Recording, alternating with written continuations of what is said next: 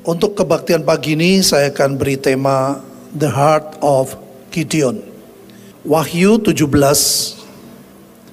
ayat 13 sampai 14a. Mereka seia sekata kekuatan dan kekuasaan mereka. Mereka berikan kepada binatang itu. Mereka akan berperang melawan anak domba.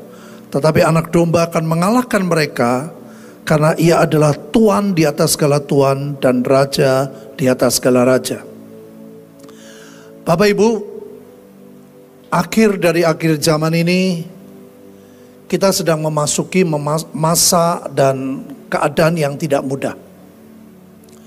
Alkitab mengatakan dengan jelas bahwa ada orang-orang yang betul-betul berseberangan dengan Tuhan dan yang mengerikan, Alkitab berkata mereka seia sekata.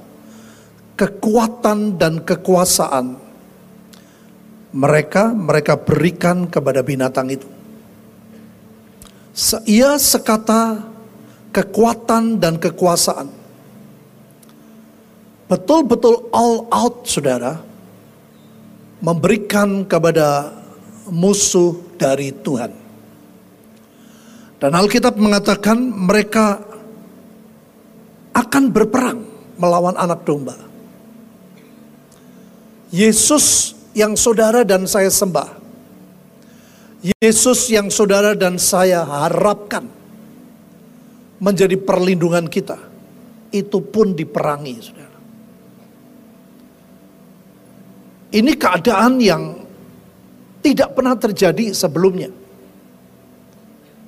Bayangin saudara, mereka seia sekata. Kita orang Kristen saja banyak tidak seia sekata. Lebih dari itu, kekuasaan, kekuatan mereka berikan.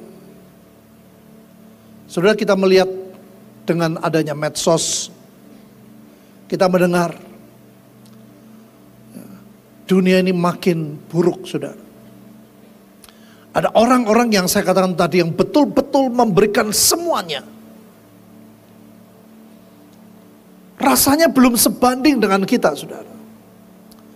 Ada banyak orang Kristen yang belum all out untuk Tuhan.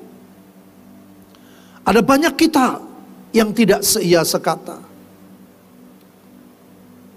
Banyak kita tidak memberikan kekuatan kita, kekuasaan kita. Bahkan hak memilih Free will kita pun sering kali kita tidak mengizinkan Tuhan mengintervensi. Pokoknya aku suka, pokoknya aku pengen, tidak pernah memikirkan yang Tuhan suka, yang Tuhan ingin. Ini keadaan yang tidak mudah, Bapak Ibu. Next slide. Ayat 14b saya suka sekali. Mereka yaitu gereja Tuhan yang bersama-sama dengan Tuhan juga akan menang. Ada banyak gereja belum tentu bersama dengan Tuhan. Ada banyak orang Kristen di gereja belum tentu bersama dengan Tuhan. Ada banyak gereja yang belum tentu hatinya mengikuti apa yang Tuhan mau. Karena kita tahu saudara, sering kali yang Tuhan mau bukan seperti yang kita mau. Yang Tuhan mau tidak seperti yang kita kehendaki.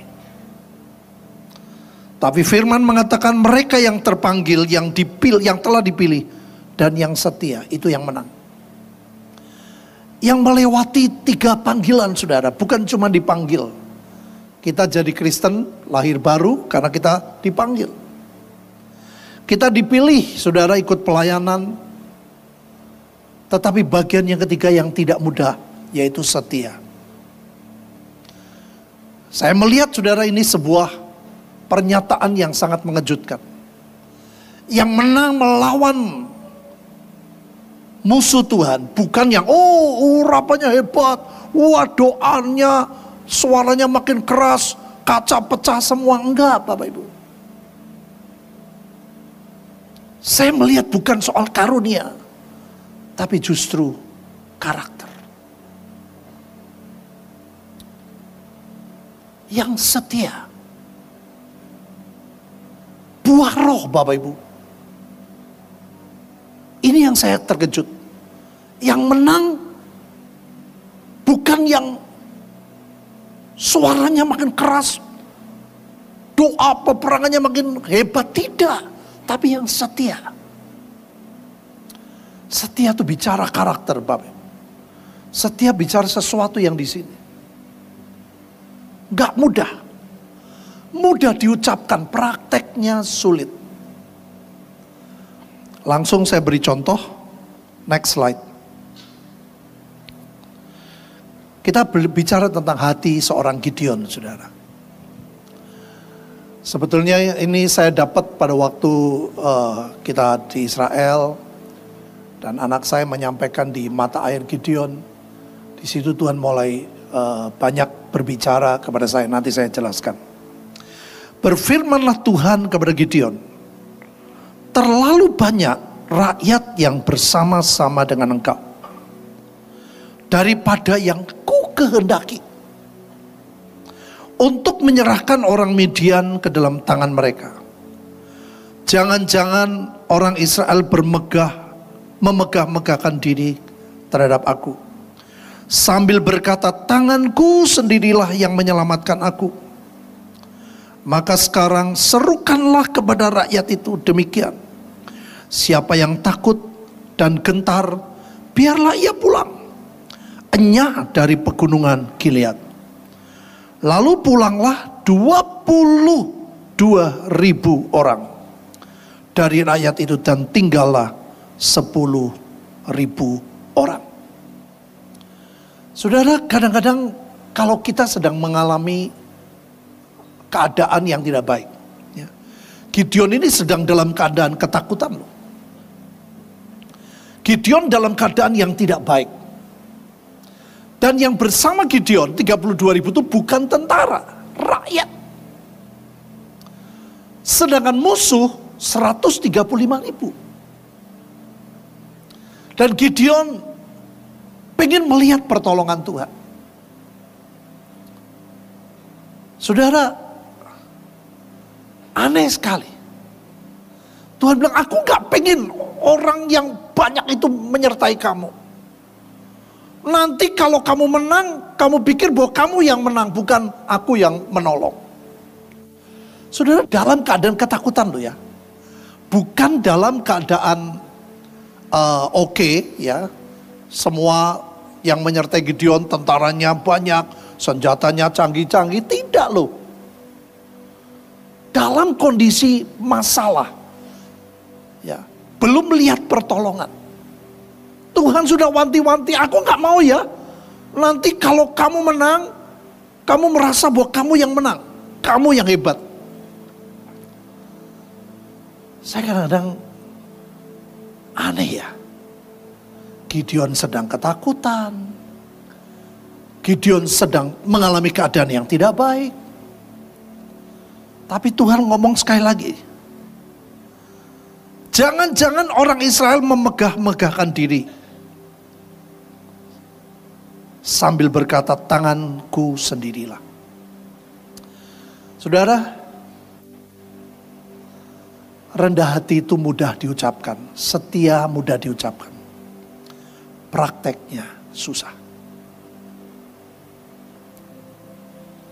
Saya melihat Tuhan sedang membentuk hati dari seorang Gideon. Tuhan ingin membuktikan bahwa dia bisa menolong. Tuhan ingin buktikan kepada Bapak Ibu kalau ada masalah dia sanggup menolong. Tapi yang sulit dengan sambil menolong juga membentuk karakter kita. Yang tidak mudah itu Bapak Ibu. Menolongnya dia gak, gak sulit saudara. Tuhan mau tolong. Apa pun masalah kita. Yang paling sulit setelah ditolong, ada perubahan karakter dalam hidup kita.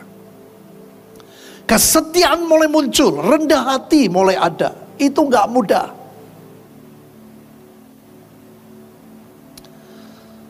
Next slide. Ya, yang dipanggil terpanggil menjadi pasukan yang dipilih. Jadi 10 ribu. Tuhan ngomong yang takut. Enyah, ngomongnya enyah. Gak enak Bapak Ibu. Alkitab mengatakan orang yang takut tidak sempurna dalam kasih. Saudara saya melihat hari-hari ini pendidikan yang Tuhan sedang buat sekali lagi adalah karakter. Kasih lebih mudah diucapkan, banyak dinyanyikan, prakteknya lebih sulit. Saya sedang melihat fenomena yang ajaib, saudara saya dipertemukan dengan orang-orang yang saya punya istilah mencintai anak bungsu. Bapak Ibu ngerti atau tidak ngerti nggak apa-apa. Dan saya mendapat informasi ada banyak mereka menjadi penggenap Yesaya 60 ayat 7. Tetapi Bapak Ibu, pertobatan mereka. Jamahan Tuhan buat mereka. Rata-rata hampir semua yang saya dengar. Karena mereka merasakan kasih Tuhan.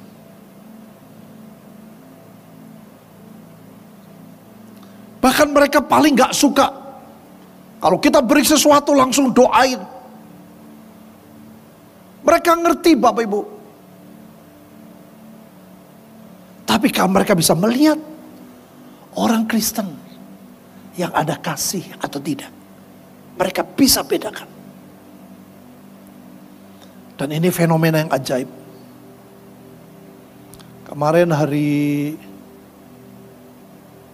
Jumat saya beri-beri kesempatan berjumpa dengan beberapa tokoh. Semua KTP tetap tapi saya diizinkan sharing kepada mereka. Saya ceritakan bagaimana saya mengampuni papa saya. Dan mereka nangis, saudara. Mereka bilang, itu nggak mungkin kalau manusia bisa lakukan. Makanya Tuhan berkata, 20 ribu suruh minggir yang takut.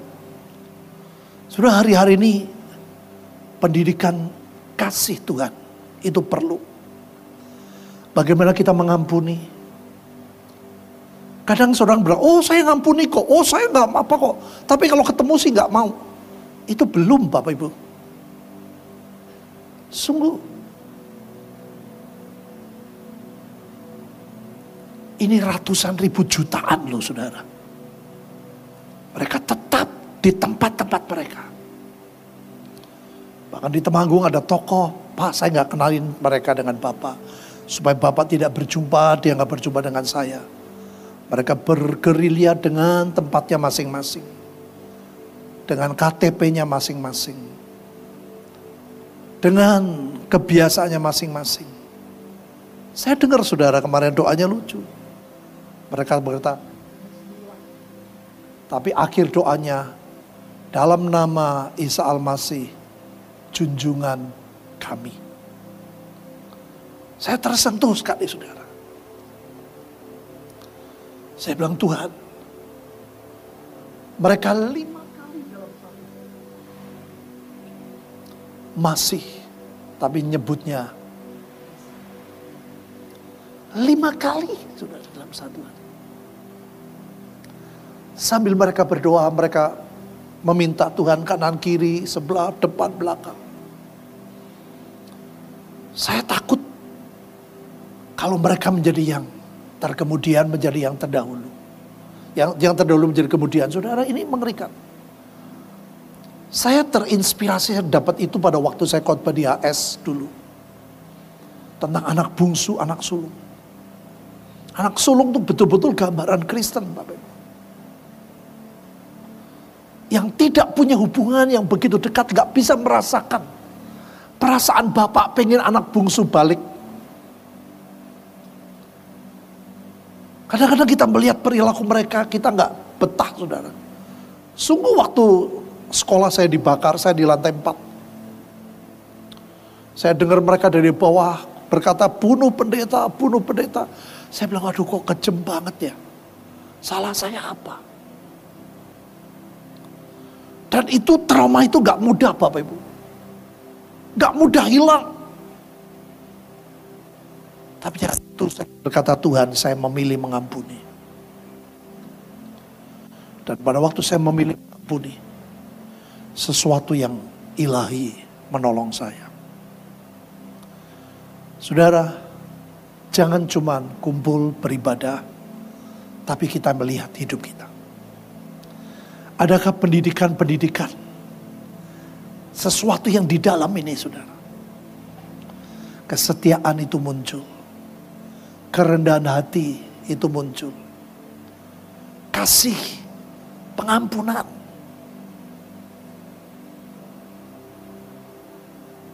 Mulai saudara rasakan.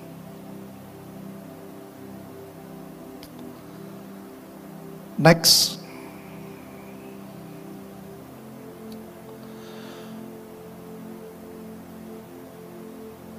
Hal yang kedua, setelah 20 2000 orang pergi, masih Tuhan berkata jumlah orang yang menghirup dengan membawa tangannya ke mulutnya.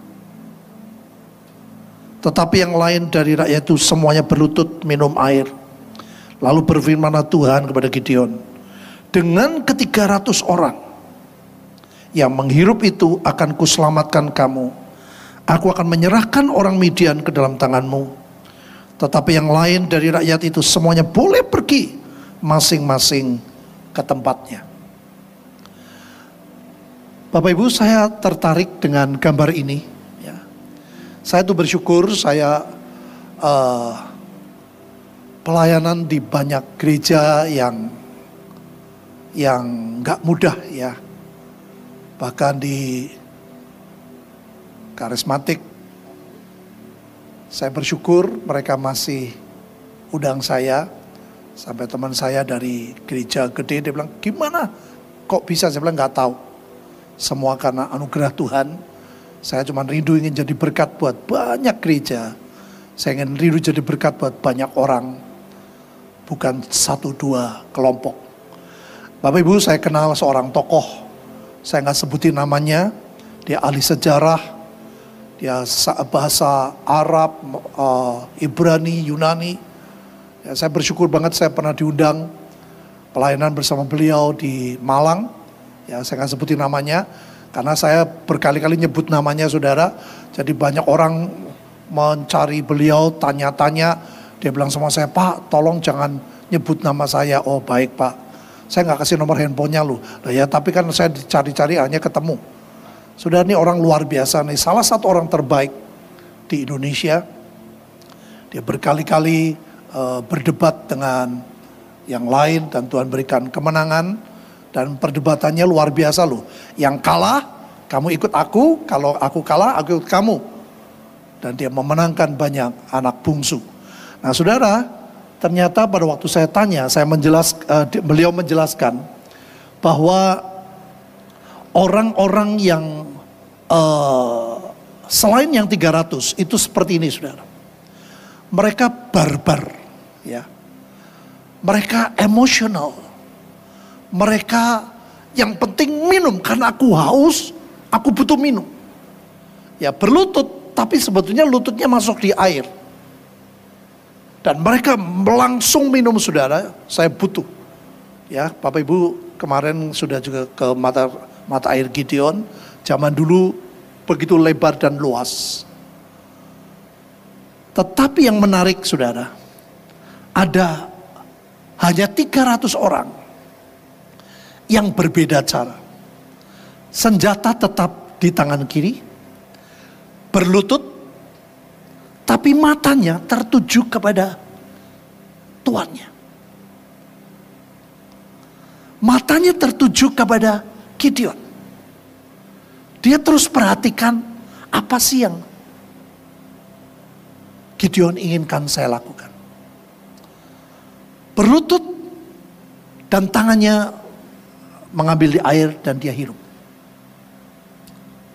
Saudara, hari-hari ini ada banyak orang yang tidak bisa menguasai diri. Kalau kita sudah emosi, kita lupa diri, bahkan kita lupa siapa kita. Ya. Gambarnya kurang pas saudara, tapi ya gini kira-kira.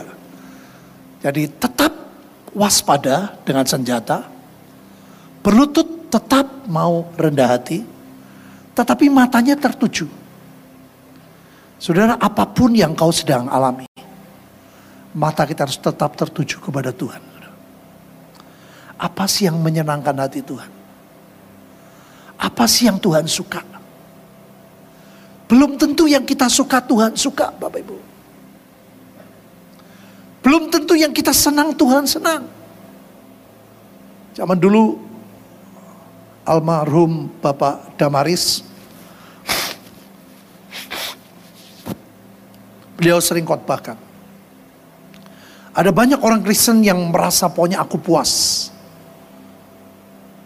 Tapi tidak pernah memikirkan Tuhan puas atau tidak. Pokoknya aku suka. Pokoknya aku oke. Okay. Tapi kita nggak memikirkan Tuhan oke okay atau tidak. Saudara, next slide. Ini sebuah gambaran kalau Bapak Ibu belajar di uh, tabernakel. Ya. Dari 32 ribu ini bicara terpanggil, bicara orang Kristen di halaman. Dan Tuhan membawa kita kepada pengalaman yang lebih jauh. Ini empat pintu, empat Injil, ada baptisan air. Kita masuk ke baptisan roh kudus menjadi 10 ribu orang yang bersama Gideon. Ini bicara orang ruang suci. Ya, kita ngalami baptisan syukur, kita mulai pelayanan. Tetapi ternyata belum selesai, Saudara. Hari-hari ini yang Tuhan mau adalah kita masuk ke ruang maha suci. Memang dulu Tuhan berkata waktu Yesus mati tirai itu terbelah. Yang Tuhan mau bukan Bapak Ibu keluar masuk. Tapi gaya hidup kita adalah gaya hidup ruang maha kudus. Di mana kesetiaan tadi saya bilang, kerendahan hati, pengampunan, kasih. Itu adalah karakter. Gak mudah Bapak Ibu. Ya, ini yang sedang Tuhan mau. Ini bicara baptisan api. Api yang membersihkan daging kita. Api yang meremukkan daging. Api yang membersihkan menyucikan. Seperti emas saudara, yang makin bersih, makin murni. Kita butuh api. Coba saya pikir saudara, dulu Tuhan 32 ribu masih jauh kalah dengan musuh 135 ribu. Sengaja Tuhan buat saudara sampai sekecil mungkin. Dengan otak Wah nggak mungkin lah 300 menang. Kalau Bapak Ibu membaca selanjutnya, next.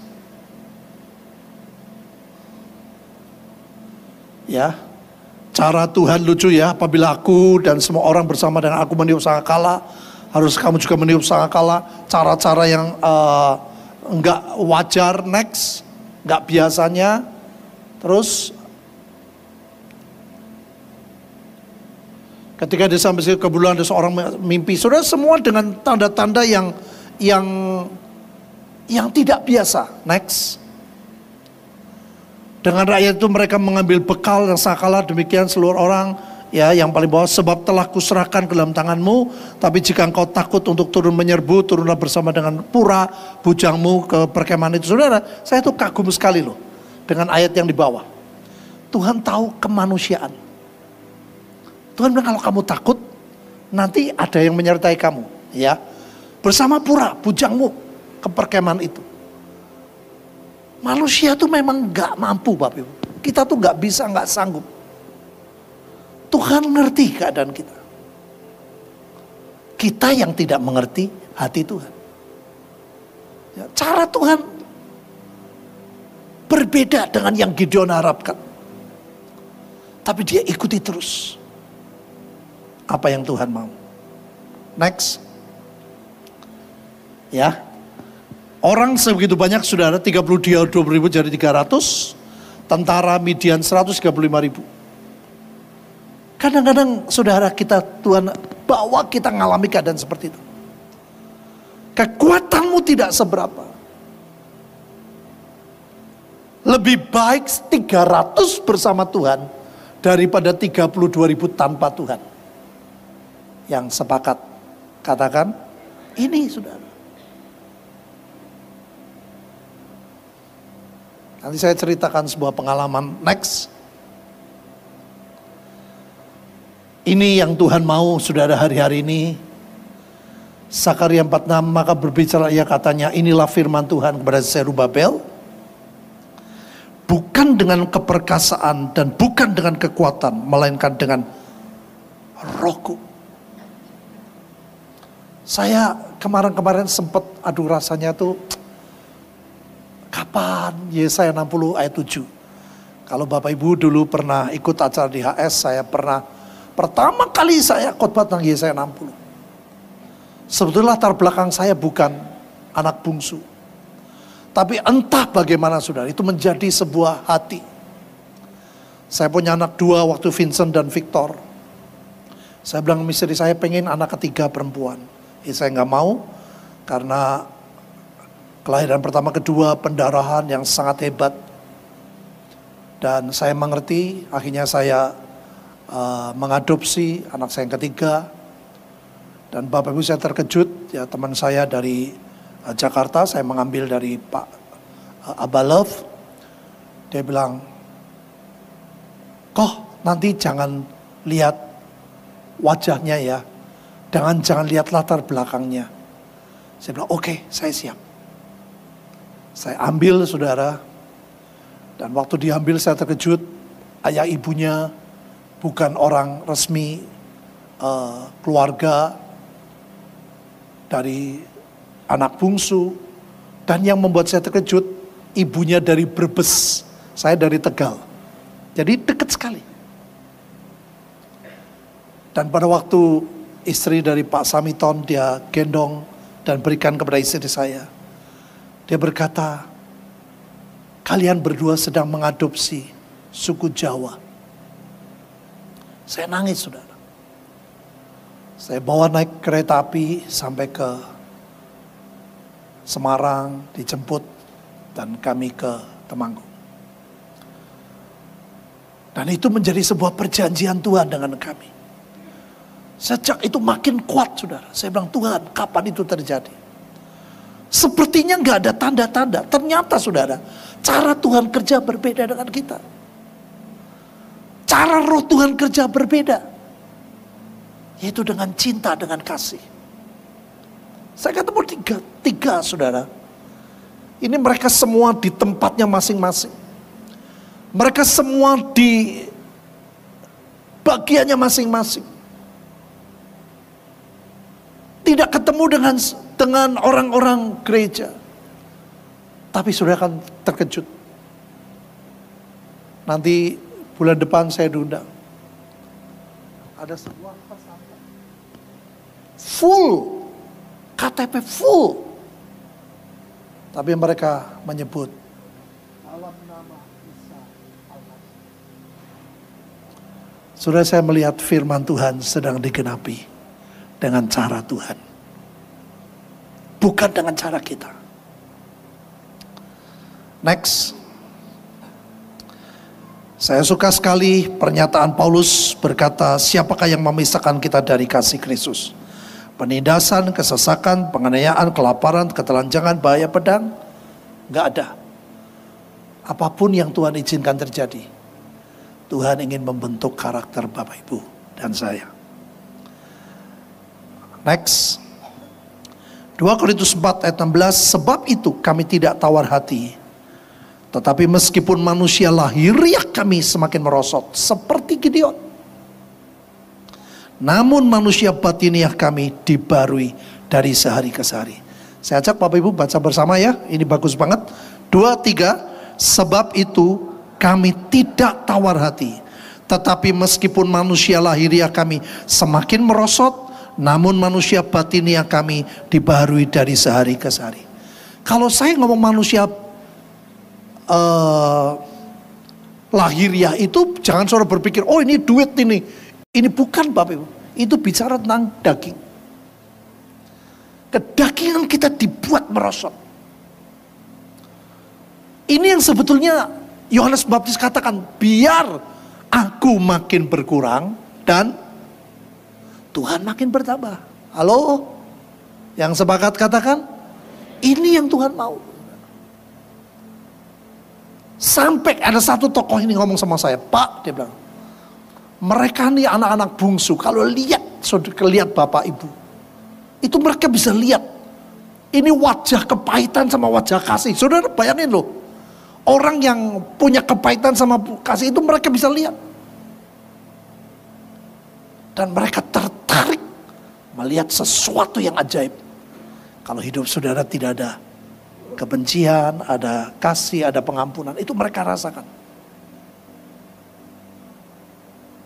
Ya, saya sekali suka sekali dengan ayat ini, ayat terakhir. Pada waktu rumah itu didirikan, dipakailah batu bata yang telah disiapkan di penggalian. Sehingga tidak kedengaran palu atau kapak atau sesuatu perkakas besi pun selama pembangunan rumah itu. Tuhan sedang membangun rumahnya Anak sulung dibentuk karakternya. Anak bungsu dia balik sedang balik dengan cara Tuhan. Tidak kedengaran suara saudara. Tapi ini sedang terjadi. Dan membuat saya, aduh Tuhan aku bersyukur. Dua hari lalu saya tuh sedih banget saudara. Anak angkat saya namanya William, dia sering tune up mobil, dia dari kecil, dari kecil itu sering ke rumah saya, istri saya masih hamil Vincent. Dia adiknya sama uh, sering ikut saya pergi ke mana-mana, ke Tegal, pelayanan ke mana-mana. Orang dikira uh, istri saya itu anak ketiga lagi hamil. Anak pertama William, Dea, dan Vincent di uh, perut. Hari Rebu kemarin saya pelayanan ke Purwokerto, dia balapin motor saya dan uh, di belakangnya dia namanya Lewi uh, pemain drum. Dia dada-dada saudara. Ya, saya pikir bercanda saya mau foto nggak bisa. Rabu malam dikasih tahu mereka berdua meninggal. Aduh saya lagi makan loh saudara. Barusan selesai.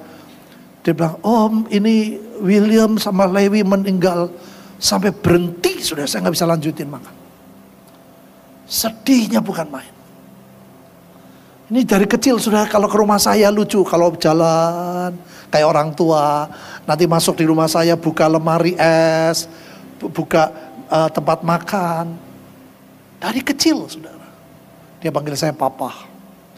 Kalau saya tune up sama dia nggak boleh bayar. Saya bilang nggak. Papa mau jadi berkat.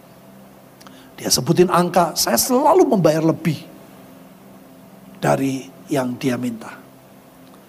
Tahu-tahu meninggal dua orang rebu kemarin. Sampai rebu malam saya nggak bisa tidur sampai pagi. Makanya tadi malam saya bilang sama istri saya udah kamu nggak usah ikut. Kamu temenin Vincent khotbah. Aku mau tidur. Aku mau tidur nyenyak. Saudara kemis kami pujian penyembahan. Makanya betul-betul saudara. Pujian penyembahan itu sesuatu yang luar, luar biasa. Waktu saya pertama awal nyembah nggak bisa saudara itu perasaan sedih itu, aduh begitu rupa, membuat saya tertekan. Tapi sekian waktu setelah saya nyembahin intermezzo ya, saya merasakan kelepasan, saya tidur. Dan tadi malam saya tidur nyenyak, jam 9 saya sudah tidur. Saya bilang, Tuhan kau baik. Engkau baik. Rasanya sedih. Saya datang ke ikhlas, kalau Bapak Ibu tahu ikhlas itu pemain drum, itu adiknya saya ke sana malam-malam kemarin pulang dari uh, saya datang Saya pikir saya mau menghibur mereka, ternyata mereka pada ketawa semua. Saya kaget saudara. Tidak apa-apa, anakku nemo, hilang si si limo. Loh, iki wong anaknya mati kok guyonan yang ngono. Tapi saya uh, suka cita lah saya. Tapi yang ini, yang William gak muda, ya saya uh, gak enak saudara. Tapi saya tahu semua pasti hari ini kita nggak tahu. Next saya tahu rencana Tuhan pasti baik. Ya, dia sering ke Semarang juga, sering tune up mobil. Kalau Bapak Ibu mungkin ada yang senang mobil pasti tahu. Dulu awal pertama saudara saya bawa dia ke Bali, saya bawa ke mana, saya kumpulin teman-teman punya mobil dan dia uh, remap, ya, dan itu bagus jadi berkat. Nah, saudara saya mau cerita sebuah pengalaman seperti Gideon. Uh, satu kali mama saya meninggal, mama saya rumahnya sendiri di seberang rumah, dan waktu itu kita sekeluarga memikir mau saya jual karena tidak dipakai. Tahu-tahu ada hamba Tuhan saudara yang saya tidak minta, tahu-tahu dia dapat firman, dia berkata, itu rumah jangan dijual. Itu rumah kamu akan renovasi menjadi bagus, dan aku akan memberikan dana. Semua digenapi sudah. Saya diberi dana dulu, berbeda pada waktu saya membangun gereja. Waktu dulu saya bangun gereja sudah nggak punya dana. Tapi Tuhan bilang, aku akan menyelesaikan. Makanya saudara, kadang-kadang kita mau pilih mana? Pilih dapat duit dulu, baru saudara membangun, baru saudara melakukan, atau tidak dapat melihat Tuhan kerja. Lebih deg-degan sebetulnya kalau saudara dapat firman tapi belum ada kenyataan, betul nggak? Saya beda. Waktu bangun dulu gedung, tidak ada duit tapi tak ada firman. Ini ada firman, duitnya bukti saudara saya dapat untuk merenovasi rumah itu. Saudara apa yang terjadi? Saya tidak sadar. Ada kesombongan yang muncul. Saya waktu ditawarin ada uh, orang yang ahli membangun rumah, dari Jawa Barat. Ya, kalau sudah tahu ya Bandung, kalau itu rumahnya beda bagus-bagus ya. Apalagi saya suka yang minimalis. Cerita singkat, satu rombongan saudara, kepala tukang dengan semua uh, anak buah, kira-kira 15 orang dari Jawa Barat sengaja ke Temanggung hanya untuk ngerjain rumah saya. Rumah saya kecil sudah 120 meter, 10 kali 12. Tapi dibuat tingkat lantai 4 supaya uh, bisa dipakai untuk banyak hal dan paling atas adalah ruang doa. Saudara saya nggak menyadari bahwa kesombongan saya bahwa Tuhan menganggap itu adalah kesombongan. Saya mengatur semuanya, saya minta waktu sekian waktu selesai. Ini tukang-tukang hebat, semua sudah jalan.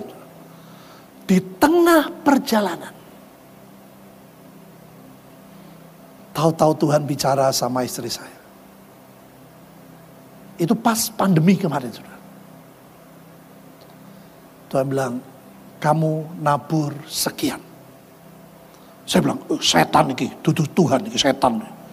Orang Kristen gitu saudara, kalau terima dari Tuhan, kalau suruh ngasih,